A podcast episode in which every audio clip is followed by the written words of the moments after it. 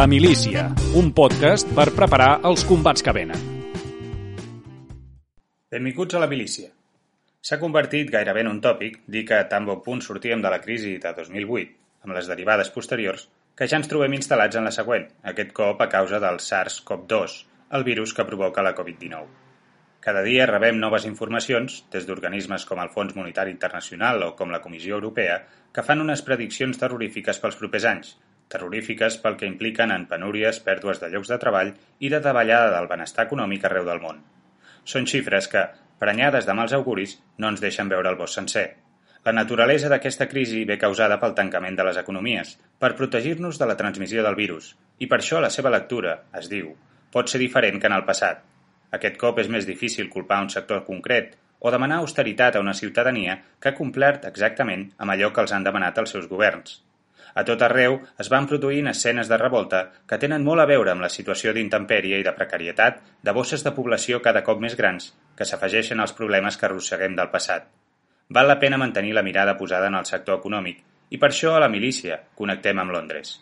Parlarem amb John Sindreu, columnista d'un dels diaris econòmics més influents del món, el Wall Street Journal, periodista i màster en enginyeria i ciència informàtica, un perfil que combina el coneixement amb una mirada gens ortodoxa del món econòmic, col·laborador habitual a la ràdio catalana, perquè ens expliqui des de dins com veu aquest moment de crisi post-Covid i perquè ens doni les claus per entendre les diferències i les semblances entre els remeis que es van fer servir per afrontar la crisi anterior i la que s'alvira en el futur immediat. Li preguntarem sobre el paper dels bancs centrals i sobre la mutualització del deute europeu, que tantes pàgines ocupen a la premsa i que tan sovint ens deixen més aviat freds. També parlarem sobre les prediccions que fan els analistes econòmics i com ens afectarà tot plegat a nosaltres, els catalans, que de moment ja anem veient, com demostra la marxa de Nissan, que la planificació dels centres de decisió econòmics passa per mantenir-nos aferrats al totxo i al turisme, cosa que amb el brot de la pandèmia ens deixa en una situació de risc.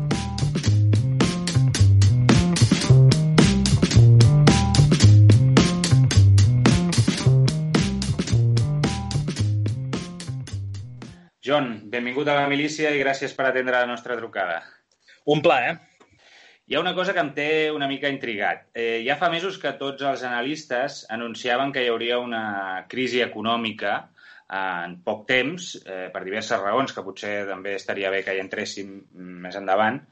I això de vegades em fa pensar si no s'ha aprofitat eh, el coronavirus com a pretext tant per atribuir-li tota la responsabilitat d'aquesta crisi, i, estic parlant en termes econòmics, una crisi que, que ja dic que feia mesos que tothom anava anunciant, com per accelerar canvis que ja estaven previstos però que la situació actual doncs, ha servit com a catalitzador. El cas més repetit és el de, de la telefeina, no? que hi ha moltes empreses que ja ho tenien contemplat, que, que ja estava previst, però que ara doncs, s'han doncs, vist obligades a, a, a, a encarar-ho, però n'hi ha molts més. Tu, per exemple, escrius molt sobre el sector aeronàutic. No sé si eh, aquesta lectura meva de la crisi com a pretext acaba d'encaixar amb els canvis que s'estan produint en aquest sector en concret, però volia preguntar si en general creus que ho podem veure així, si, si és veritat que hi ha una part d'aquesta crisi que ja estava prevista o és una cosa totalment inesperada. I ja dic, no parlo del virus en si, sinó de la crisi econòmica, no? que cada dia ens van donant dades d'atur, de, de, de previsions eh, de, de, de creixement o de no creixement del PIB, etc. No? Bueno, ara faré aquell moment una mica PM, eh, en què et diré que, que, no, que, que no estic d'acord amb tu. Perfecte, um, perfecte. No, no, però a, mi, a part que també s'ha de dir que jo, jo tinc un, un conflicte d'interessos evident perquè jo ja vaig deixar escrit abans del virus que jo no creia que tots aquests que, que deien que hi hauria crisi tinguessin raó.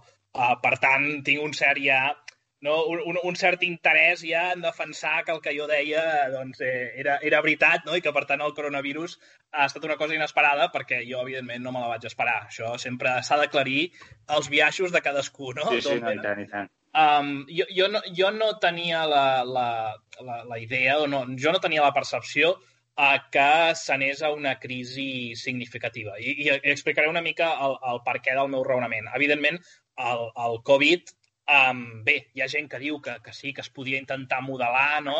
Uh, el fet de que hi hauria una pandèmia global en algun moment. Uh, també hi ha altra gent que defensa que la incertesa és una cosa que s'ha de tenir sempre en compte, cosa que jo, evidentment, hi estic d'acord, però això és un argument que tampoc et permet anar més enllà, perquè la incertesa, no, per naturalesa és incerta, per tant, no es podia saber què passaria, um, i ho has de descomptar quan intentes mirar una mica no, de, de què, què és uh, més probable o menys probable. Llavors, va, partint, partint d'aquest punt, Uh, jo, uh, la, la, la tesi o la sensació que, que tenia de, de, no, de com ha funcionat l'economia i les finances globals en els darrers anys, um, jo no sé si tu uh, recordaràs uh, que hi ha un economista, um, el que avui en dia en dirien uh, molt neoliberal, uh, tot i que és una paraula d'aquelles que s'ha de matisar, però uh, que es diu uh, Robert Lucas, un economista americà, no sé si et sonarà, mm. Josep. Mm. Um, no va guanyar el Nobel, aquest home? Sí, efectivament, efectivament. Uh, és, és un dels majors proponents de, del que se'n diu la, la teoria de les expectatives racionals, no? que és allò de que tots els agents econòmics miren el futur de manera racional no? i, per tant, anticipen el que passarà i tot això. Um, I ell uh, va, dir una, va, va, va fer una asseveració que ha quedat molt denostada i tothom se n'han fotut uh, des de que va passar la crisi del 2008, en què ell deia que creia que els economistes, no, amb les seves poderoses ments brillants, havien aconseguit curar el cicle econòmic. No? Això ell ho va dir en un, un discurs i llavors, evidentment, com tots sabem què va passar, no? va arribar la crisi de la subprime, va arribar la gran crisi econòmica mundial, patapam, i va quedar com una d'aquelles frases lapidàries que el perseguiran tota la vida. Um, però, i, i aquí és on jo trencaré una llança a favor seu, uh, tot i que és evident que els economistes no, no tenien i no han tingut ni idea del que estaven fent, sí que jo crec que hi havia un, un punt de veritat en el que ell va dir. Uh, ell, evidentment, es referia a la gran, el que se n'ha dit, la gran moderació, eh, amb, amb majúscules, la gran moderació, això és el que els anglosaxons uh, fan servir per referir-se a tot aquest període, no? des d'aquella crisi del petroli de, dels 70, de finals dels 70, de, dels, uh, no, principis dels 80, quan entren els Reagans i les Thatchers i tot això, llavors generen no, una recessió per intentar doncs, uh, no, carregar-se una mica els sindicats i acabar amb el problema inflacionari, en aquell moment en què es dona el control no, del que se'n diu l'objectiu d'inflació en els bancs centrals, eh, des de llavors fins al 2008, eh, el cicle econòmic tradicional, no? que és allò de que cada 10 anys eh, les empreses han invertit una mica massa, llavors comencen a invertir menys i hi ha atur i la gent no gasta i llavors no, entres en aquesta, aquesta forma de sinus, no? de serp, tot això sembla que, que ho havien anat ho havien anat aplanant. No? Um, I d'aquí el discurs triomfalista, no només d'en Robert Lucas, sinó de molta gent, de dir hem, hem, hem curat el cicle econòmic. No? Um, llavors, clar, de cop et trobes el 2008 i explota. Llavors aquí es genera el discurs contrari, no? que és el que diu no, tot el contrari, no han curat el cicle econòmic.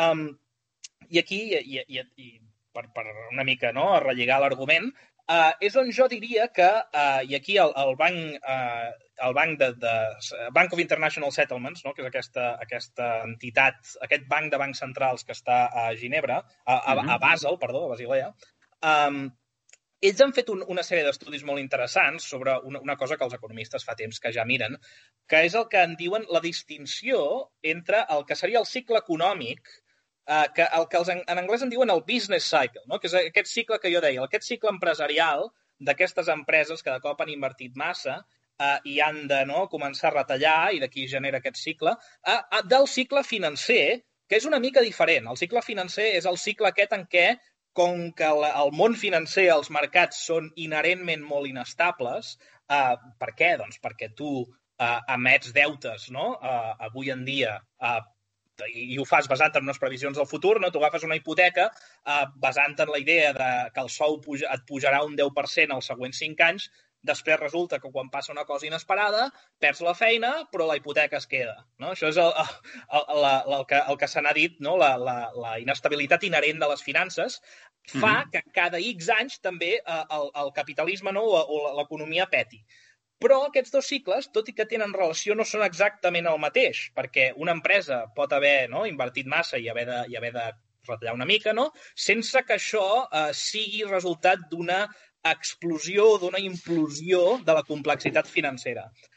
Llavors, jo el que, el que argumentaria, que crec que lliga no, una mica amb, amb aquesta recerca que s'ha fet recentment, és que és veritat que eh, fent augmentar la mida del govern, no? pensem que el govern eh, doncs ara mateix representa la meitat de l'economia, eh, si ens anem a principis del segle XX, doncs era molt més petit, no? Um, entre la mida del govern, que fa que quan hi ha crisis, doncs, eh, a través de, de, de doncs, això, no? de, de pagaments pels aturats, el que sigui, eh, doncs l'economia s'estabilitzi i, eh, i l'acció de, dels bancs centrals en els, en, eh, en els mercats, hem aconseguit que, efectivament, el, el que seria no, aquest primer cicle, aquest que passava cada 10 anys, l'hem calmat molt. No? Llavors, aquest és el cicle que tothom deia que ara ens explotaria la cara. No? Uh, I tothom estava dient, han passat més de 10 anys, això, això rebentarà, no? És per això que hi havia totes aquestes veus. Jo crec que és cert que aquest cicle l'hem calmat molt amb, amb, aquesta, no? amb aquesta economia de mercat global que ha vingut de l'era de Reagan i de Thatcher, però el que hem fet, i això és el que ve a assenyalar la, la recerca, és que hem, hem extremat l'altre cicle. No? És a dir, el cicle financer, el de la subprime, el de la complexitat financera internacional, tot això que rebenta, tot això mm -hmm. ho hem fet molt pitjor. No? És a dir, a canvi de eh, estabilitzar no? el, el cicle de les finances per les empreses, no? Diguem-ne, extremant l'economia de mercat i fent que trobin finançament en aquests moments, eh, hem fet que això es calmi molt més, però a canvi de generar aquestes bombolles. Eh, però aquestes bombolles, segons el que hem vist empíricament, eh, es generen cada 15 anys, mentre que eh, el, el cicle anterior era de, de, de 8 a 10. Per tant, i d'aquí venia la meva teoria. Jo mirant el mercat veia que la complexitat financera, evidentment, havia augmentat des del 2008, uh, però uh, no, no havíem arribat a nivells del 2008. M'explico? És a dir, la bombolla ha rebentat i no l'hem inflat encara del tot. Per tant, jo, uh, basant-me en aquesta idea, pensava que encara estàvem una mica lluny no? de, de, de poder arribar a aquests nivells en què els mercats estan bojos i acaben generant una, una altra crisi. Aquestes crisis tarden una mica més no? a construir el castell de cartes que després, quan es tomba, doncs, acaba sent pitjor. Val. Mm, a veure, llavors... Ja ha tot un rotllo, eh? Però, però... No, no, està bé, està bé. Eh, llavors, a veure, si, si em situo en, el, en aquest primer cicle que deies, el, el que és més estable, no?, en aquesta... Sí, el cicle aquesta, corporatiu, diguem-ne, no? El cicle no? corporatiu, sí. entenc que ja han jugat un paper eh, fonamental als bancs centrals. És, és correcte això o no? O no hi té res a veure? Sí, és a dir, sovint es parla de que, el, de que els bancs centrals no pujant i baixant el tipus d'interès, aquesta era la teoria, no? Um, el que fan és accelerar i desaccelerar l'economia um, no? de manera que, que controlen aquest cicle i sobretot controlen la inflació. Uh, jo, jo sóc una, bastant escèptic eh, d'això, jo crec que, que el, el pujar i baixar els tipus d'interès no, no fa gaire res, um, però el que sí fa, el que sí fa és, eh, i això és un altre concepte que ve de lluny eh, amb, amb economia monetària, és el que se'n diu uh, l'elasticitat. No? És a dir, l'elasticitat del sistema monetari és uh, allò que fa que les finances s'adaptin a allò que sigui que l'economia real vol fer. No? Un sistema elàstic és un sistema en què el món financer, el món monetari, doncs, eh, si tu vols fer, eh, vols construir un pont, doncs trobes finançament per construir aquell pont. Um, això, amb, amb diguem-ne, donant preponderància als mercats financers eh, i als bancs centrals, sí que aconsegueixes crear una molt major eh, no, liquiditat. És a dir, el Banc Central, al final, on actua de debò, amb força, és en el mercat financer, no és en l'economia real. Però sí que és cert que el fet de que aquest mercat financer eh, estigui allà no? i sigui molt més eh, líquid per tal que aquestes empreses puguin no? navegar eh, doncs, el moment de crisi, això sí que fa, i sobretot ja dic, eh, en combinació amb la capacitat dels governs no, de, de, de controlar gran part de l'economia quan les coses van mal dades, eh, rescatar bancs i aquestes coses, eh, això sí que fa que eh, el cicle doncs, corporatiu es calmi molt. Ara bé, eh, sí que genera alhora no, que, que com que els mercats doncs, estan alliberats, doncs, evidentment, eh, cada dècada i mitja doncs, els mercats tenen tendència a això, no? a crear complexitat financera i al final acaba rebentant tot, segurament de manera més deslligada de l'economia real. Per tant, no és tant que jo pensi no, que aquesta teoria tradicional, que el, el Banc Central no pot controlar el creixement econòmic i la inflació, que tot això és una bestiesa. Però el que sí fan és eh, doncs això, no? permetre que es produeixi aquesta preponderància dels mercats financers i, i del finançament bancari eh, que alhora doncs, eh, no, fa que sigui molt més fàcil per les empreses doncs, tenir un cicle corporatiu uh, més suau. A més a més de tot això, també cal pensar que hem arribat a un punt de complexitat econòmica en què les matèries primeres tenen molta menys importància i les grans crisis uh, no, uh, molt sovint regulars que passen en moments de creixement econòmic elevat venien de que les matèries primeres pugen molt de preu i això doncs, genera uh, problemes per les empreses, llavors uh, no, les empreses començaven a desinvertir. Uh, tot això ho hem calmat perquè, diguem, ara mateix uh, els productes que fabriquem a l'economia del segle XXI tenen una part molt menor no, d'aquestes matèries primeres. Tu, tu deies això dels, dels bancs centrals perquè és una idea que jo crec que uh, potser no tothom acaba d'entendre, jo mateix, per exemple, eh, mentre, diguéssim, preparava l'entrevista amb tu, eh, he rellegit, bueno, he fullejat un llibre que en el seu dia, fa 3 o 4 anys, eh, em vaig comprar del Mohamed El Erian, que eh, és l'assessor econòmic en cap d'Allianz, i que, sí, per cert, sí. per cert eh, en el llibre diu que és ell qui es va inventar el concepte aquest que ara està tan de moda de nova normalitat. Això cap a l'any 2009, però bueno, això és, és a banda. Però aquest llibre, que es diu The Only Game in Town, sí. explica que les conseqüències de la crisi financera de 2008-2009, eh, que de, de ser una crisi financera doncs es va doncs, estendre a tot, a tot el sistema econòmic, a tots nivells, doncs diu que les conseqüències, les conseqüències haurien sigut molt pitjors si els bancs centrals eh, de la Unió Europea, dels Estats Units, d'Anglaterra, eh, en tots aquests països, diguéssim, economies fortes, no haguessin pres unes mesures que sortien del seu manual de joc habitual. No?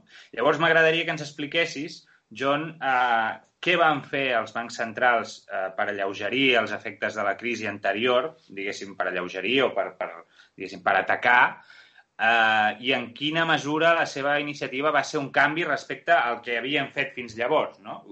Ho dic també per, per situar-nos en el moment actual si aquestes eines que es van fer servir el 2008-2009 bueno, i els anys successius si ara encara són útils o si realment, no, eh, diguéssim, si els tipus, per exemple, ja no es poden baixar més, si eh, els quantitative easings, aquestes, la, la, no me'n recordo com es diu ara la traducció, eh, la compra d'actius per part dels bancs centrals doncs, ja no, no dona fruit. M'agradaria que ens expliquessis, ens fessis un resum, ja sé que és un tema prou, sí. prou complex, però perquè ens fem una idea perquè els oients puguin, puguin figurar-se una mica de què va tot això. I esperar que en quedi algun, eh, al final d'aquesta explicació. Sí, perquè... això segur, això segur. Uh, sí, mira, l'Elarian, um, que de fet, sí, recordo que, que em sembla que jo li he parlat només un parell de vegades, eh? però recordo haver comentat aquest tema amb ell. Jo, és a dir, jo la sensació que tinc amb aquests discursos és que, tot i que no són del tot, no són falsos, eh, crec que precisament tenen una certa manca de, de perspectiva històrica. És a dir, crec, crec que el problema, i, i uh, si tornem a, a, no, a parlar de, de l'era de, de, de Thatcher i de Reagan, el problema és que els canvis que, hem fet, que vam fer llavors, ara tenim la sensació que, que, això, que el món que ens han deixat ha estat sempre així, però és que el, el món no era sempre així. I, i el rol de les institucions Um, hi, ha, hi ha aquella frase famosa, no sé si l'hauràs sentit, de que si tens un martell en una mà, no? Sí. tot el que veus et sembla un clau. Mm. No? Llavors... És sí, bona, és bona aquesta frase. Nosaltres eh, hem, hem, clar, a partir d'aquell moment d'aquell de, no, de, gir globalista dels 80 en, en favor de l'economia del mercat, hem donat essencialment als bancs centrals la discrecionalitat de la gestió macroeconòmica um, i els bancs centrals sí que tenen un martell. Uh, Llavors, la pregunta és si aquest martell serveix contra tot. No? És a dir, és tot un clau i els claus que estan clavant ara realment són aquells claus tan estranys que es va dir que no haurien de clavar mai. Um, jo ho poso en dubte. I, i de fet, crec, crec que la clau amb això està anar a l'origen de, de, de la banca central. No? La banca central, eh, quan neix a, a finals del segle XVII a Anglaterra, no? el Banc d'Anglaterra, eh, neix per ser un banquer del govern.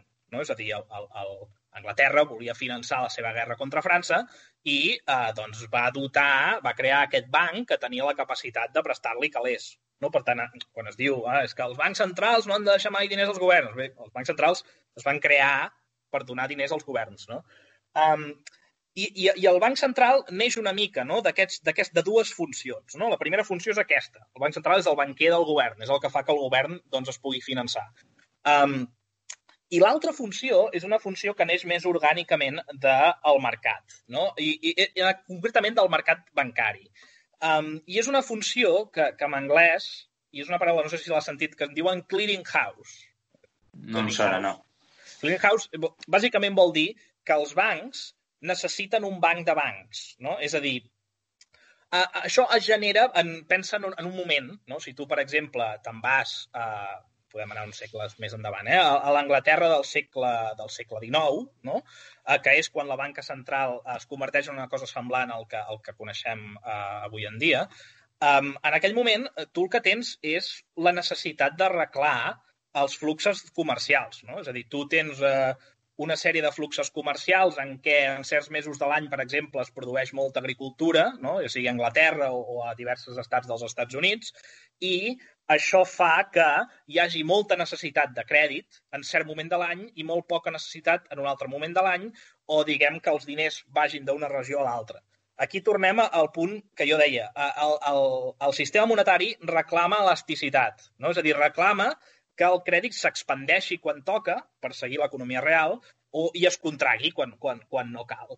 Um, I és per això que uh, un sol banc es pot trobar en problemes. No? Per exemple, si, si uh, no, un banc concret per voler ajudar un agricultor li dona massa crèdit, però després uh, el, la gent treu els calés d'aquest banc i se'ls endú un altre banc, aquest banc tindrà problemes. No? Uh, llavors, el que van fer els bancs és crear això, un banc de bancs. No? Tots els bancs tenen el seu banc, que tenen en comú, és el que se'n diu un clearing house, i eh, a partir d'aquí ells sempre saben que eh, aquest banc de bancs no, és a través del qual ells es paguen i que si mai doncs, un banc necessita diners sempre trobarà no, dins d'aquest sistema un altre banc que li empresti. Eh, dit d'una altra manera, això és el que se n'ha anomenat el, el prestamista d'últim recurs. No? És a dir, uh mhm. -huh. és aquell prestamista que quan el sistema financer doncs, eh, no, té problemes de liquiditat, és a dir, té problemes de que li surten massa calés, sempre doncs, et prestarà diners. Clar, fixa't que hi havia una confluència no? eh, diguem-ne, lògica, no? fins i tot amb un cert determinisme, entre el banquer del govern, que és el banc que té més calés, no? és, és el banc on, on hi ha el, el, el tresor, no? és on hi ha l'or de la nació, és on hi ha el que tu vulguis, eh, és on hi ha el poder de l'Estat no? de, de, de, de clavar-te impostos. Eh, clar, els impostos que tu pagues són recaptats a través del banc del govern. No? Eh, el, el poder que se li dona a aquest banc i la voluntat de l'hora del govern en aquell moment, eh, si, si ens n'anem al segle XIX a Anglaterra, per exemple, de disciplinar el sistema financer. És a dir, um, en aquell moment els bancs imprimien els seus bitllets igual que el govern uh, imprimeix els seus ara mateix. Els bancs avui en dia segueixen tenint la capacitat de crear diners del no-res. Eh? El, el diner bancari es crea del no-res. Um, però uh, el Banc d'Anglaterra i el govern en aquell moment tenia un interès no, en disciplinar tots aquests bancs perquè no es passessin. No? És a dir, aquesta elasticitat que deia, eh, la, la, la preocupació era ves que no, no sigui tan elàstica no? que al final la goma es trenqui. No? Um, per tant, al govern li interessava disciplinar el mercat, però el mercat també tenia interès, evidentment, en tenir aquesta no, pòlissa d'assegurances, aquest banc de bancs eh, amb més recursos del que ells podien desenvolupar. Per tant, aquests dos rols, d'alguna manera, s'acaben ajuntant no? en un sol banc, eh, el banc central. El banc que és alhora el banc del govern i és alhora un banc de bancs que és allà per, eh, quan hi ha problemes de liquiditat en el sistema, donar-ne no? eh, donar-ne segurament a un preu punitiu, però eh, assegurar-se que el sistema bancari, que si un, bàsicament, que si un banc se'n va a fer punyetes, sigui perquè el valor dels préstecs que ha donat, eh, no? eh, doncs aquests préstecs no, no tinguin valor i no sigui perquè la gent va i demana els seus calés, perquè ens entenguem, no? o perquè té eh, fluxes no? comercials que van d'un banc a un altre banc. Um, llavors, és, és aquest sistema, no? aquest, aquest, això és el que és essencialment un banc central. Llavors, quan s'intenta, no? a partir dels anys 70, dels anys 80, transformar aquesta, no? aquesta veritat essencial d'aquesta institució que existeix per fer aquestes coses, eh, és a dir, per garantir el finançament del govern, no? és allò que diem, que el govern imprimeix els seus propis calés, no? per tant, uh -huh. sempre pot pagar, uh, per una banda, i per garantir la liquiditat no? en cas de crisi dels bancs i, de, i, si tu vols, dels mercats financers, um, en el moment en què tot això s'intenta transformar en una teoria econòmica estranya, no? en què diu nosaltres no farem que els mercats tinguin el poder eh, de determinació no? del sistema econòmic um, i aquest banc central el posarem en allà i el posarem en allà perquè Um, I aquesta era la teoria, no? i la teoria, de fet, en què encara es, es basa la banca central, um, és perquè uh, resulta que uh, necessitem una institució que intenti, és a dir, com que el, el, el sistema econòmic no, es mou uh, de manera ideal, deien, no? segons el mercat, per oferta i demanda, però um, no sempre no? Uh, aquesta oferta i demanda s'equilibra amb, amb prou velocitat, el que farem serà tenir aquest banc central en allà que més o menys intenti amb el seu tipus d'interès, no? primer van intentar fer-ho amb la quantitat de diners i va ser un desastre. Després van dir que ho segueixi fent amb el tipus d'interès, no? que és com ho havia fet tota la vida. Um, I van dir que, que amb aquest tipus d'interès intenti encertar no? més o menys quin és el tipus d'interès real del mercat, el que se'n diu el tipus natural. No? Aquest tipus d'interès real és aquell que fa que el mercat funcioni perfectament. No? En el món ideal, en què no hi hauria diners i no hi hauria finances, no hi hauria aquestes, aquestes no, mamandúrries, eh, això era la teoria, um, tindríem un sistema no, en què tots ens estem intercanviant uh, cotxes per patates i per no sé què, i aquest sistema de mercat funcionaria a la perfecció. Llavors ells deien, bé, és veritat, el món és imperfecte i tenim diners i tenim finances i mamandúrries, llavors el que farem serà que el Banc Central intenti moure el tipus d'interès perquè eh, l'economia estigui eh, seguint el seu, no, una mica la seva determinació de mercat tant com sigui possible. No? Um, I d'aquesta manera no hi haurà inflació desaforada i en principi l'atur tampoc hauria no, d'existir de, de, o, o d'existir substancialment. Clar, Arriba el 2008, tot això se'n va fer punyetes, el Banc Central baixa el tipus d'interès tant com pot, l'economia no es recupera, llavors la pregunta aquí és, és el, aquí és, el Banc Central ha fracassat no? en, el, en el que ha fet? Um, dius, home, sí, clar, ha fracassat en, en, en, perquè li has donat una feina d'una cosa que no pot fer. És a dir, en cap part de la seva funció primigènia i de la raó per la qual aquesta institució existeix, eh, en cap cas això es va ser creat per dir que tindríem un control perfecte sobre l'atur i la inflació.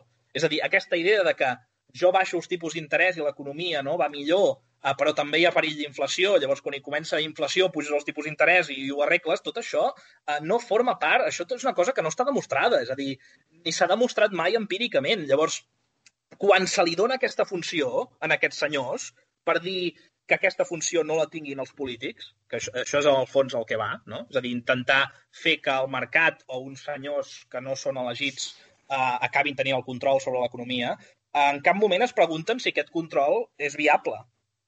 I jo crec que la resposta clarament és no. Ara bé, ara bé, hi ha una cosa en què els bancs centrals sí que te segueixen tenint tot el poder del món. Recordem, les dues que hem dit, la primera, banquer del govern, és a dir, que el govern no se'n vagi a fer punyetes i, per tant, pugui finançar tot el que li doni la gana, és del que estem parlant ara, no? És a dir, sí. pugui finançar els processos de reconstrucció que vulgui, pugui finançar la política fiscal que li doni la gana, tot això, el Banc Central segueix tenint aquest poder i ara, per fi, sembla que estem començant a donar-nos-en.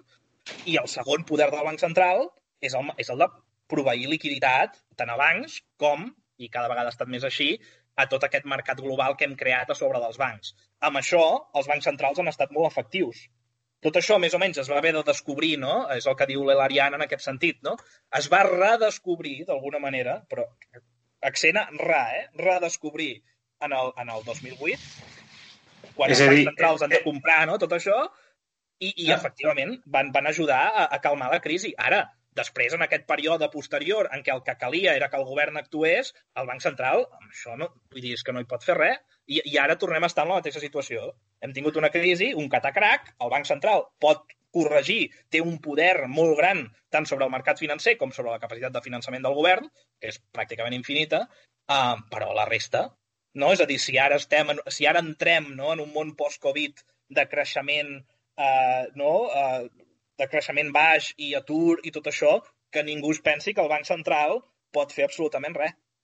És a dir, que el que estàs explicant és bàsicament el, el que van fer els bancs centrals eh, amb aquesta última la crisi del 2008 és eh, fer aquesta tasca, diguéssim, de fer de, de com has dit, de prestamista d'últim d'últim recurs, no? És a dir, però no només els governs, sinó també a, bueno, al teixit uh, financer, a, a sí, les empreses, sí. etc. Sí, quedi clar que prestamista d'últim recurs sempre és una, una tasca enfocada al mercat. Eh? Respecte al ah. govern, eh, el Banc Central no és que sigui prestamista d'últim recurs, en realitat, sinó que ho és, podríem dir, fins i tot de primer. Eh, el que passa que és cert que el govern també, és a dir, per, per posar un exemple, el, el, el, el que fan els governs, no? eh, quan emeten deute, sí. és emetre un paperet que diu, no, jo et dec, no sé, 1.000 euros, no? i te'ls tornaré d'aquí 10 anys i mentrestant et pagaré un tant per cent l'any. Això és un paperet del govern. Quan el Banc Central, que és propietat de l'Estat, no? I que en el fons acaba volent dir del govern, um, emet un paperet, que és un bitllet, no? diners, i també és un paperet que emet l'Estat. Per tant, aquests dos paperets són intercanviables. No? Um, la creença de que si el govern es financés totalment amb els paperets del Banc Central tindríem inflació desaforada, no? Uh, però si ho fa uh, emetent bons, uh, llavors no, llavors no passa res. Uh, això sí, té un problema no? de que potser no podrà pagar. Tot això és una bestiesa. És a dir, aquests dos actius són bàsicament intercanviables en el mercat financer. Um, la, el problema inflacionari, si el govern gastés massa, pot existir tant si el govern...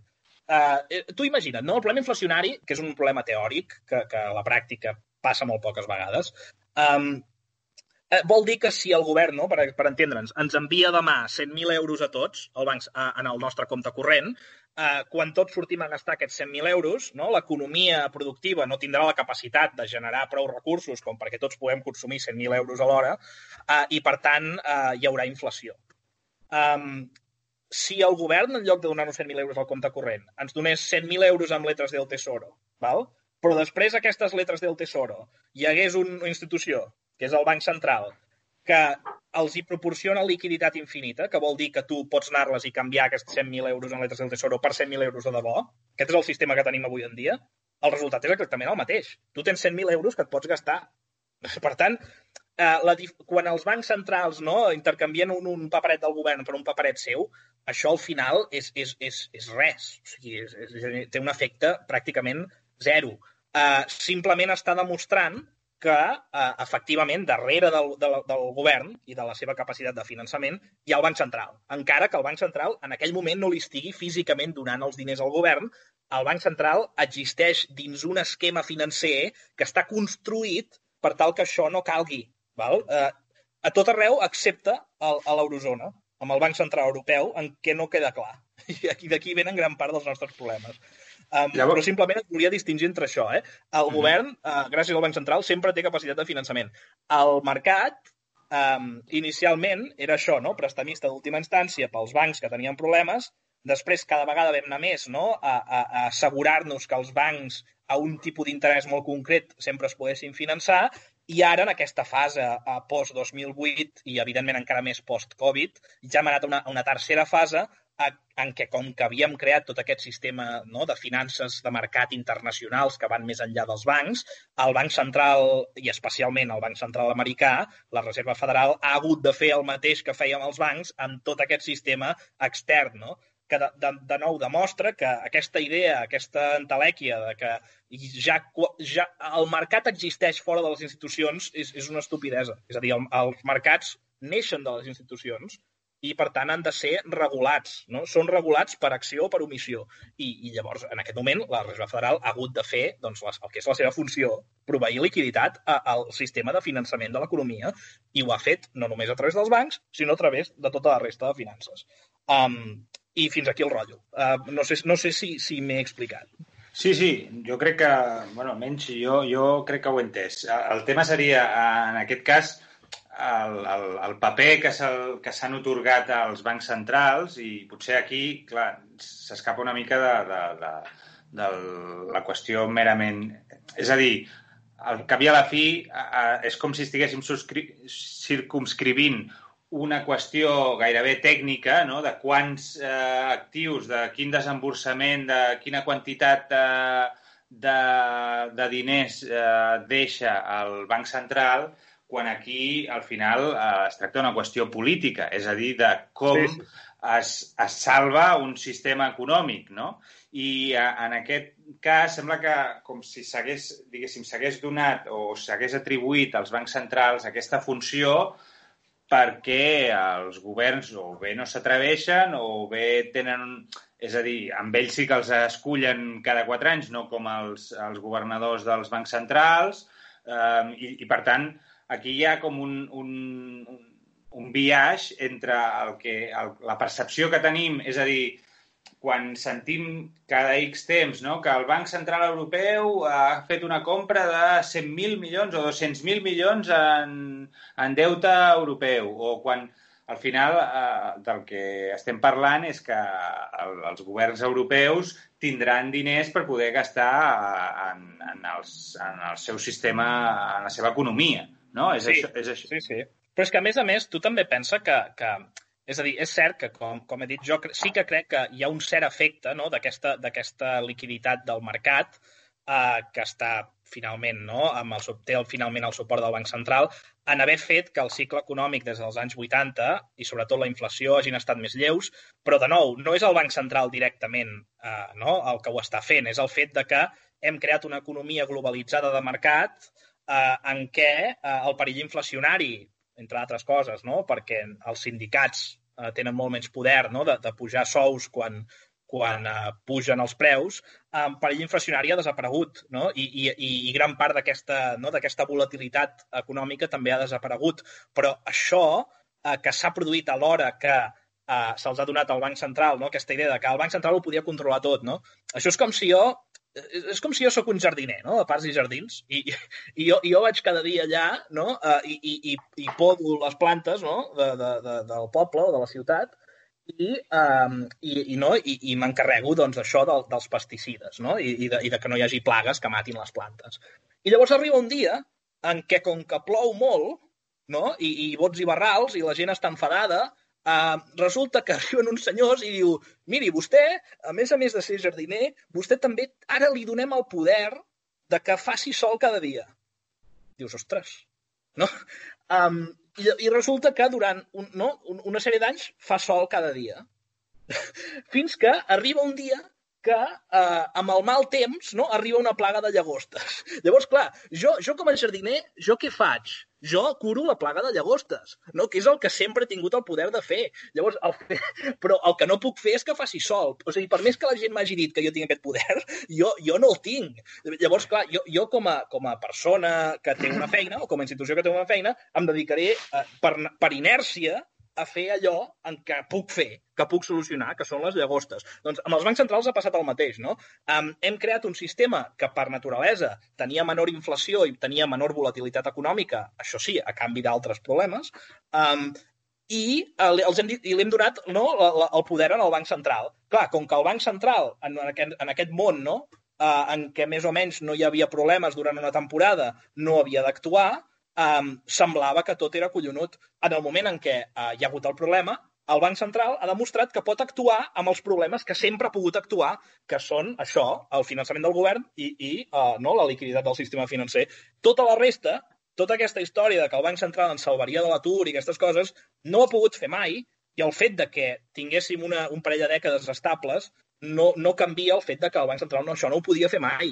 Llavors, clar, llavors aquí va esclatar tot, no? És a dir, hi ha gent que li donava la culpa al Banc Central, deia, mira, el Banc Central està fent totes aquestes animalades i a sobre no serveix de res, no? I hi ha altra gent, no?, que, que, que, que era tot el contrari, no?, que, que deia, vinga, sí, més i més i més, perquè d'aquesta manera el Banc Central curarà l'atur, no?, i el Mario Draghi ens està salvant la vida, i, i això és, és collonut, no?, i, i cada, cada mica que l'atur baixava era tot gràcies al Banc Central. La realitat és que el Banc Central ha, ha tingut efectivitat no? en, el, en els moments de crash, no? en els moments de hem de salvar l'economia, hem de salvar això, té efectivitat en permetre que els polítics, com tu deies, tinguin la capacitat d'actuar, però no té poder en res més. Llavors, si aquests polítics no actuen en política fiscal, eh, no tenim cap possibilitat no? de, de significativament eh, doncs, sortir ràpid de les crisis.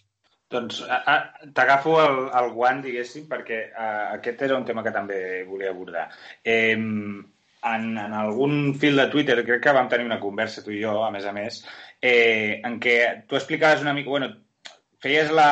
qüestionaves de per què uh, s'havia de fer aquesta figura, per què demanaven els governs, sobretot del sud d'Europa, com Itàlia, Espanya, també França, demanaven els coronabons, quan ja tenien a, a la mà la possibilitat de, de, de gastar recolzats no? amb el suport, diguéssim, de, del Banc Central Europeu, precisament, no? de, de, diguéssim, que ja els havien donat màniga ampla perquè fessin tota la despesa que, que volguessin, però tu posaves en dubte aquest, aquest bueno, aquesta petició de mutualitzar el deute. Llavors, això del deute, de mutualitzar el deute, eh, exactament què significa i, i què són aquestes ajudes europees que han anunciat a bombo i plateret de, de no sé, 500.000 bilions? 700, no, no, no sí, sé qual. de com ho comptes. Sí, bueno, 750.000 bueno, uh, milions, que són, de fet, 500 en, en transferències, la resta s'han de tornar. Sí. És a dir, això, això com funciona i, i explica'ns una mica, perquè vull dir, jo crec que a molta gent eh, se'ns se ha escapat bastant de tros de, de, de què és el que està passant exactament i on està el debat, perquè segur que, tal com estem sí. parlant fins ara, vull dir, al final, si gratem una mica, hi ha una qüestió política que, que es deixa com, bueno, en, en un segon terme, però que és el, el, el, el, la mare dels ous, no? Una mica, jo crec que, ara, ara em corregiràs si, si m'equivoco, eh? eh? però que ve una mica de, de si repetim el, el discurs de l'austeritat que hi va haver a, després del, 2000, del 2008 o si ara, diguéssim, es fa una, una lectura, una, una resposta diferent, no? Sí, sí, i de fet arreu del món, eh, i fins i tot et diré que a Europa, eh? vull dir, tampoc, tampoc vull ser extremadament catastrofista, és evident que fins i tot a Europa uh, l'actitud no és l'actitud del 2008. Eh? No, I sobretot no és l'actitud del 2010, en què es parlava de que l'austeritat no? seria expansionària, no? I aquestes tonteries de que si els governs acomiadaven un punt de gent, l'economia aniria millor, que és una d'aquelles, vaja, uh, d'aquelles coses que, que encara no, avui se'ns fa als ulls gasosa. Uh, però Um, clar, uh, és veritat, les coses han canviat i, i, i jo crec que cada vegada es pren més consciència, uh, sobretot a països uh, que tenen el seu propi banc central. Uh, tot això lliga amb... Uh, esperem que, el, que els que ens escolten uh, hagin aconseguit no, uh, doncs, uh, entendre alguna cosa de, de, de tot això, d'aquesta història que estat sí, dient. Sí. Um, si, si, si, si he aconseguit explicar les coses amb certa coherència, precis, això ens porta precisament al que tu dius. És a dir, és aquest un problema purament polític? No? I la resposta jo crec que és evidentment que sí. És a dir, a, a, al Regne Unit i als Estats Units, i, i no només al Regne Unit i als Estats Units, eh, a Nova Zelanda, a Canadà, és a dir, a tots els països desenvolupats amb el seu propi banc central, eh, ja hi ha la consciència de que eh, pujant i baixant els tipus d'interès no s'arregla l'economia. Um, I hi ha la consciència de que, um, tot i que no es vol dir molt clar, uh, evidentment el govern té la capacitat de gastar que li doni la gana. Això cada vegada, diguem cada vegada jo crec que les elites econòmiques, uh, financeres i fins i tot polítiques ho van admetent més i en són més conscients de que això sempre ha estat així. I, i per tant, això du a la, a la conjunció d'aquestes dues coses. No? És evident que encara hi ha la, la por de que si es diu massa clar que el govern s'inventa els diners, el polític de torn se n'inventarà masses. De, de, aquesta és tota la mare dels ous, no? És a dir, aquesta idea de que no només el polític de torn tindrà un incentiu per inventar-se en masses i potser tindrem hiperinflació i ens convertirem en Zimbabue, que això és molt poc realista, um, sinó que, a més a més, via aquesta despesa del govern, l'economia se socialitza cada vegada més. Per tant, hi ha aquestes, uh, hi ha aquestes dues derivades però jo crec que, veient com de malament van anar les coses el 2008, cada vegada hi ha més consciència de que, bé, com a mínim fins a cert punt, hem d'activar la màquina perquè, si no, eh, aquí tindrem revolucions, no?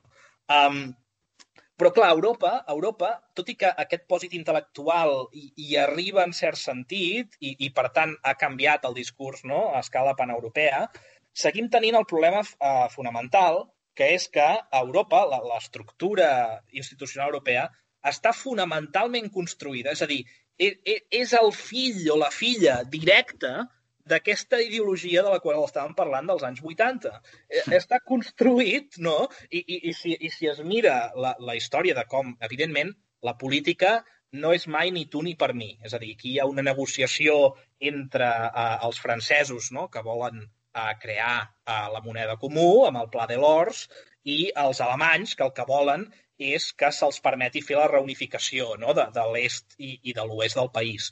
I d'aquest compromís no? en neix eh, la Unió Europea actual i la seva voluntat de crear una moneda única, això sí, amb el compromís, tot i que a nivell legal encara és com la Constitució espanyola, no? es pot interpretar, però a la pràctica està fet per interpretar-se d'una manera determinada, eh, que eh, el, la política monetària i, per tant, l'estructura econòmica, monetària i financera de l'eurozona estarà modelada amb aquesta idea de molt anys 80 de el mercat determina no? el, el, el, determina el curs de l'economia i el Banc Central està allà simplement simplement no?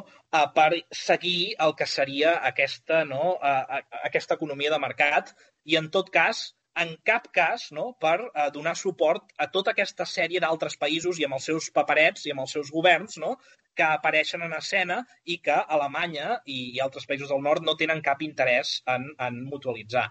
Um, en aquests dies es parla molt no, de, de Hamilton, no? d'Alexander Hamilton als Estats Units.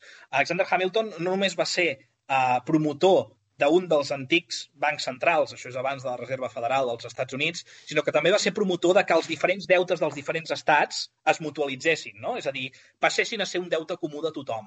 Um, això és el que, en essència, la construcció de l'eurozona es, va, es va dissenyar per evitar. La construcció de es va dissenyar de, de tal manera que això no pogués passar. I es va dissenyar amb la creença de que si el mercat disciplinava tots aquests països, eh, tots aquests països doncs, haurien d'adaptar-se no? i haurien de, de tenir una economia que seguís els dictats no només dels mercats, sinó també de l'economia més poderosa d'aquest bloc que, que és Alemanya. Um, i, però hi ha un petit problema amb això, que és que uh, no funciona. No, no funciona perquè quan arriben les crisis, els governs perden la capacitat de decidir quan gasten. Um, els governs podien retallar tant com volguessin, però llavors tota l'economia s'aniria a fer punyetes. Si els governs no paguessin atur, no, no paguessin uh, no, serveis socials, uh, quan la gent se'n va uh, doncs, uh, en moments de precarietat, doncs uh, no només l'economia aniria molt pitjor, sinó que el teixit social s'esfondraria encara més. Uh, per tant, els governs no tenen aquesta capacitat. No? De la mateixa manera que eh, en el moment que, eh, per entendre'ns, les Terres de l'Ebre s'integren a una estructura econòmica en Barcelona, hi ha una necessitat de que Barcelona i les Terres de l'Ebre tinguin no, una mutualització financera, existeix aquesta mateixa necessitat al moment que tu crees una unió monetària eh, entre Alemanya i un país com Grècia.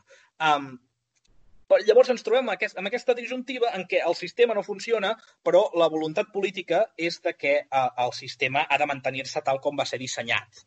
Um, llavors estem permanentment en un punt intermig en què el Banc Central Europeu, en el moment que les coses se'n van de mare, ha d'intervenir per fer que el sistema sigui molt més semblant a aquest dels Estats Units, no? a, a un país en què tots tenim la mateixa moneda, tots imprimim el mateix deute i, per tant, hi ha una equivalència entre tots els deutes.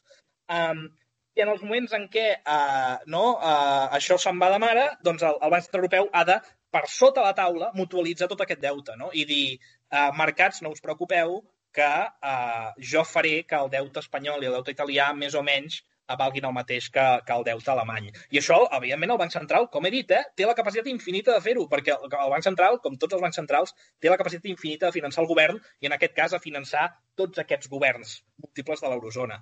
Ara bé, tot això no es pot admetre obertament. No, no es pot admetre obertament perquè eh, es, fi, fonamentalment va en contra d'allò que els alemanys eh, van dissenyar eh, com a eh, no, per acceptar la seva entrada en aquesta unió, unió monetària. I, evidentment, ens trobem en la situació actual, en què, com tu deies, és un debat totalment polític. Nosaltres, tots els països de l'eurozona, eh, tenim la capacitat, no, de, de, ara mateix que tenim el suport del Banc Central i que s'han suspès els regles de dèficit a Brussel·les, de gastar tant com ens doni la gana. Um, Ara, això, això sí, els polítics de la part del nord d'Europa amenacen, no? És a dir, hi ha una amenaça implícita de que si tu fas el que, el que pots fer, doncs llavors eh, doncs, més endavant et faran pagar i això, evidentment, doncs, pesa molt. Llavors és per això que el debat s'ha dirigit tot a fins a quin punt podem mobilitzar recursos que tots estiguem d'acord a nivell d'escala europea, però que ningú s'enganyi. Tot això eh, diguem-ne, és una manera de fer que aquests governs gastin menys del que podrien gastar si tota aquesta sèrie de decisions polítiques no es prenguessin. I el perill que ara tenim, i, i, i, i d'aquí ve, eh, jo crec, on, on, no? on hi ha el kit de la qüestió i on ens hauríem de, de fixar en, els, en aquests anys i en els propers anys, és de que tot i que s'han mobilitzat aquests 750.000 milions, um, tot això és per un pressupost uh, que durarà 5 anys. No? Um, per tant, uh, tot això es començarà a gastar d'aquí temps. Um, quan l'impacte més important de, de, del Covid no? i sobretot el que, la possibilitat de que post eh, aquest període de confinament l'economia entri en recessió, tot això potser ja ha passat per llavors. Eh, més enllà d'això, eh, tu no saps si eh, per quan aquests fons estiguin gastant els alemanys et forçaran a fer austeritat. Per tant, potser el que guanyis per un costat et sortirà per l'altre. Aquí, al final, estem parlant d'un problema fonamental de la infraestructura econòmica, no? És a dir, ja era un problema per països com eh, el Regne Unit i els Estats Units que políticament haguéssim decidit lligar-nos una mà darrere l'esquena i no utilitzar no, la nostra capacitat de despesa infinita, o pràcticament infinita, um, sinó que, a més a més, en aquí, a l'eurozona, per disseny, a la màquina ja no funciona, és a dir, ja està trencada. Evidentment, el Banc Central Europeu pot fer que funcioni com si estigués ben muntat i en els moments de crisi fa això, però això no és suficient com per fer que a, en altres moments no, no hi pugui haver el perill de que tot l'invent se'n vagi a, a fer punyetes. Per tant, estem dins una dins un moment com de semitransició permanent en què ho hauríem de desmuntar tot aquest invent o hauríem de uh, simplement convertir-ho no, en, en, una, en, un, en, en un ens polític capaç de prendre decisions polítiques democràtiques conjuntes i, per tant, en què la mutualització dels nostres deutes doncs, sigui tan normal com el fet de que uh, la ciutat de Barcelona o Madrid o altres uh, no, uh, municipis d'Espanya uh, doncs, uh, al final del dia tu saps que el govern que hi ha per sobre eh, salvarà en els ciutadans d'aquella ciutat, per més que la ciutat tingui problemes financers, perquè d'això es tracta. -hmm. bueno, en, en, aquest, uh, en, aquest podcast, en aquest podcast aquí a la milícia vam parlar amb Carles Cirera i vam comentar una mica això, no? que uh, ell, bueno, seguint una mica la, la tesi d'un article que comentàvem del Nils Gilman, mm, que venia a dir que en el moment, bueno, que era una mica com la URSS, no? la Unió Europea, que en el moment en què tu bus busquessis a fer alguna reforma, Uh, com que, tal com deies tu ara mateix, estava dissenyat de forma que, que, que no es pogués fer tot això que, que volen fer, doncs uh, això petaria. I, per tant, uh, buscar reformes el que acabaria portant és a una no dissolució ben bé, però que sí que uh, no, no avançar en la línia de, de la integració, si més no. És a dir, no, sí, sí. no faria progressar a, a qualsevol reforma, el que faria és a la inversa. Però, bueno, jo, com que ens queda poc temps, eh, m'agradaria que enfoquéssim una mica la situació actual i, i que parléssim una mica que, de què, què podem esperar, és a dir, el, el moment actual a nivell econòmic, no? Aquesta crisi, ja et dic, cada dia ens van avassallant de, de dades sobre xifres d'atur o, o xifres de, de, de PIB, de, de retallades de, de, de interanuals no? de, del PIB sobre el, el que s'està fent, de projeccions sobre l'any que ve.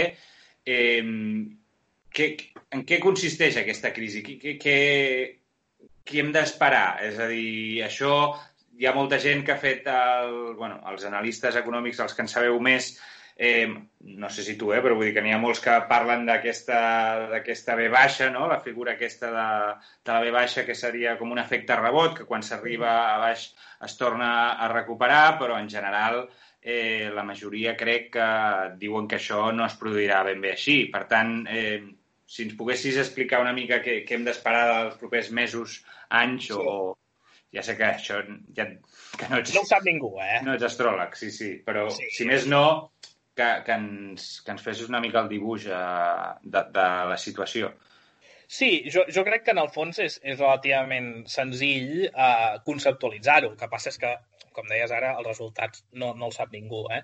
Um, el, el, el tema aquí és que totes les dades que hem recopilat durant el, el confinament no valen per res, perquè són dades, és a dir, que el PIB caigui un 15% quan tu has tancat l'economia és normal, no? És a dir, ah, tu has demanat a la gent que es quedi a casa que no vagi a treballar, per tant, has tancat l'economia.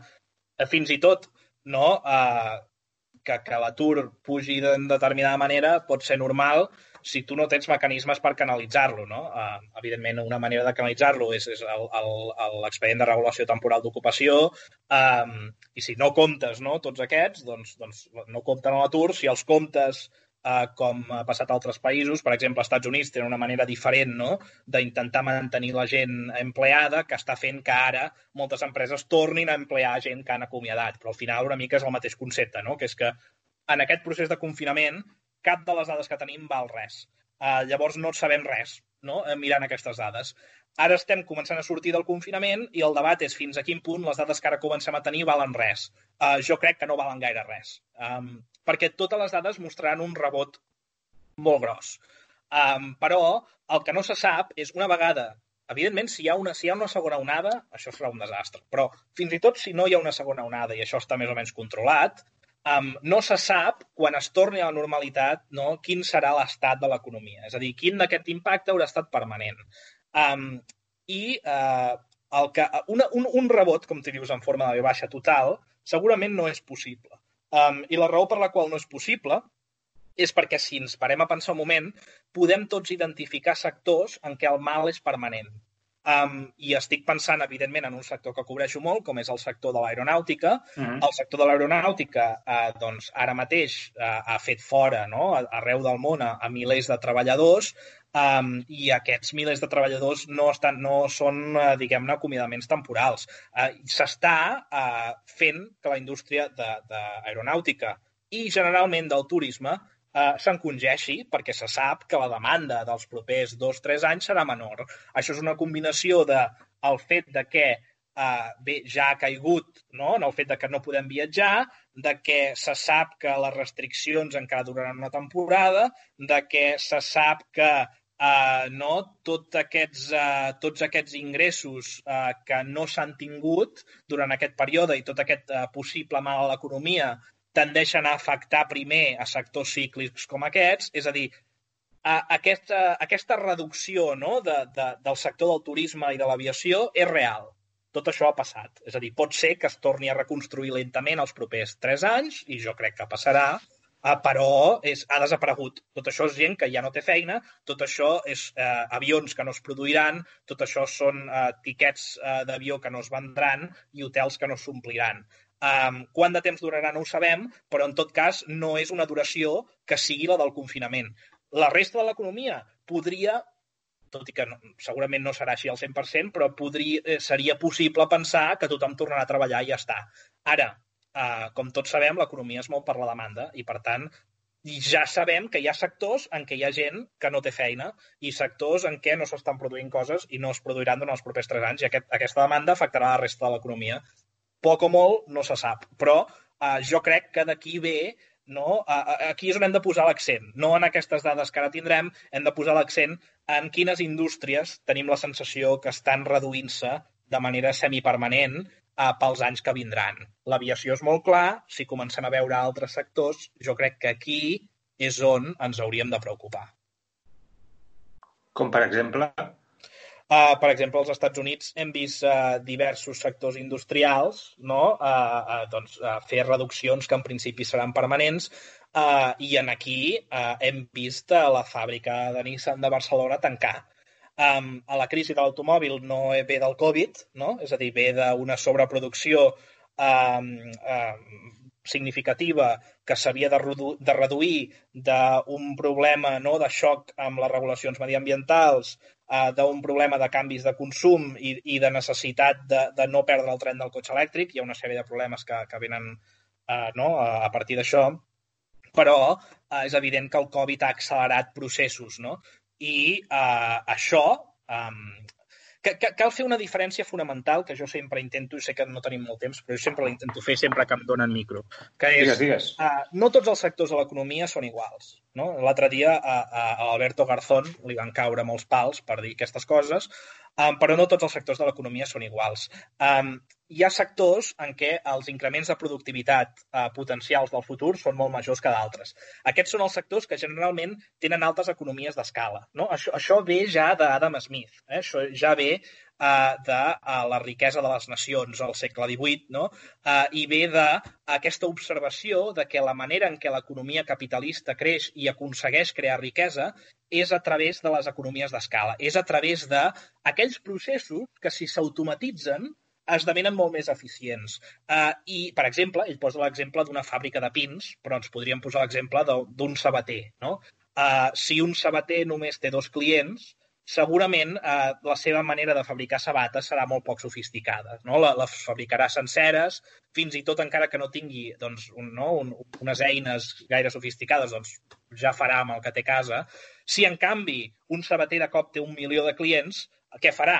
Farà una producció en sèrie, no? És a dir, farà una producció en sèrie, eh, tindrà maquinària pesant, eh, tindrà dissenys eh, no? eh, de sabates molt més adequats per les necessitats de les persones, és a dir, es genera un, un, no? un cercle virtuós no? eh, de, de productivitat que augmenta si els sous augmenten, perquè, a més a més, tots recordem l'exemple de la Ford, no? de, de Henry Ford eh, al principi del segle XX, que eh, va argumentar que si tu augmentes no, el sou dels treballadors, ells podien comprar el seu propi cotxe, no? de manera que el mercat augmenta i a mesura que augmenta el mercat també, mm. de nou, no, genera aquest cercle virtuós en què és més viable eh, doncs, ser més productiu i fer inversions i crear innovació.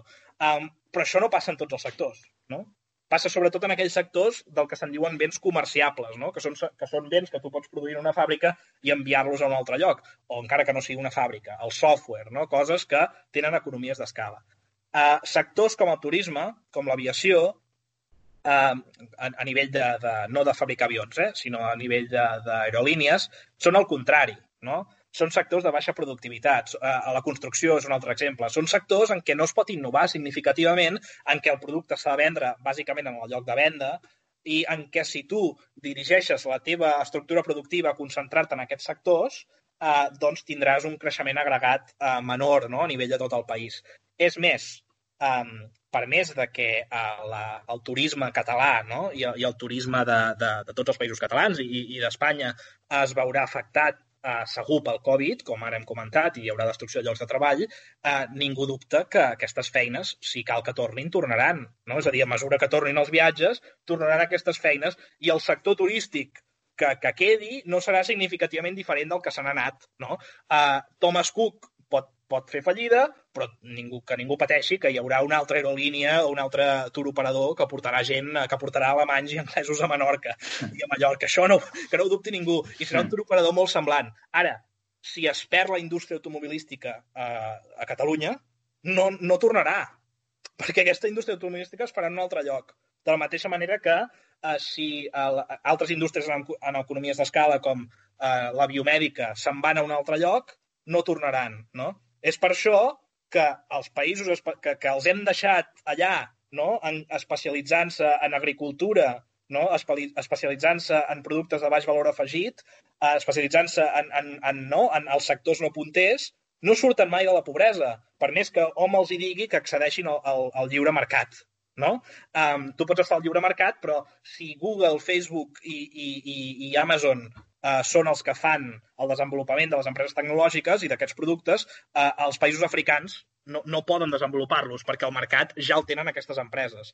Això ens ha passat a Europa, no tenim gegants tecnològics, no li ha passat a la Xina perquè ha protegit el seu mercat, segurament amb motius de censura, eh, però ha creat els seus propis gegants tecnològics i també hem de pensar, en aquest sentit, eh, el que ens passarà a nosaltres dins l'estructura de la Unió Europea, en què eh, el mercat eh, està dissenyat, diguem, per permetre als centres industrials, eh, i, i això ho recomano molt, si no heu llegit mai a, a aquest historiador que es diu Adam Tooze, eh, us recomano molt el seu llibre sobre l'economia nazi, eh, que, mm -hmm. que diguem-ne, explica molt clarament com l'expansió alemanya estava dissenyada per guanyar mercats, no? en un moment en què els Estats Units tenien molt de territori, per tant molt de mercat intern, i el Regne Unit tenia les colònies, els alemanys no tenien res d'això, estaven en un moment de desenvolupament inferior i per tant van haver d'expandir els seus mercats. Això, evidentment, no ho vull comparar amb l'actualitat, però cal ser conscients que eh, la integració econòmica europea està feta per tal que els líders econòmics d'aquest bloc eh, puguin accedir a mercats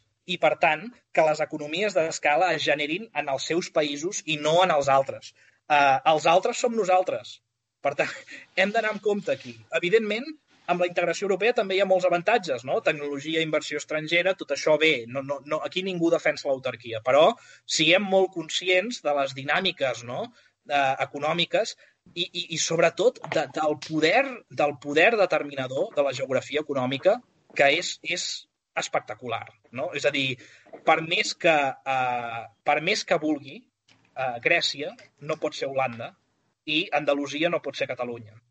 I això no té a veure amb, amb, no té a veure amb, amb, amb, amb diguem-ne, la voluntat de treball, no té a veure amb, amb, no, amb la creativitat, no té a veure, no, no, té a veure amb la determinació de on s'han generat les economies d'escala històricament per motius geogràfics, per motius polítics, per motius eh, militars, pels motius que tu vulguis. I, I quan integrem econòmicament els països hem de ser molt conscients de que aquestes dinàmiques existeixen, de que en alguns sentits són inevitables, en d'altres s'han de corregir, però que en tot cas necessitem una, no, un, un, una política eh, que sigui conscient de les necessitats socials de tots els territoris. Doncs eh, ens quedarem amb això, amb aquesta, m'ha agradat aquesta frase, els altres són amb això eh, acabarem la, la conversa sí. d'avui. Eh... Ho, dic, ho dic alertant, eh? perquè quan sí, diuen sí, que la Unió Europea sí, sí. invertirà no sé què en cotxe elèctric, eh, que la gent sigui conscient d'on aniran eh, aquests calés per aquí, necessitat. Aquí no vindran. Aquí no vindran aquí no vindran, o vindran molt menys, no? Uh, i, i, i, I és que tampoc podran fer més, eh, els europeus, en aquest sentit, perquè, diguem-ne, l'estructura econòmica ja és la que és, no? Ells l'han afavorit, però, en tot cas, no serà culpa d'aquella inversió concreta, no? Serà culpa d'aquest determinisme en què ja, ja estem ficats. Doncs, eh, John, t'agraeixo molt que ens hagis atès i que hagis volgut parlar amb nosaltres. Eh, jo crec que ha aclarit molts punts Eh, I bé, en tot cas, més endavant, si de cas, ja, ja tornarem a parlar. A veure sí, com evoluciona tot eh? A tothom que ha hagut de patir els meus, eh, els meus sermons eh, quedaran ben descansats. A veure si fan la becaina mentrestant. Doncs res, moltes gràcies a tothom i fins a la propera. Gràcies. Un plaer. Vagi bé.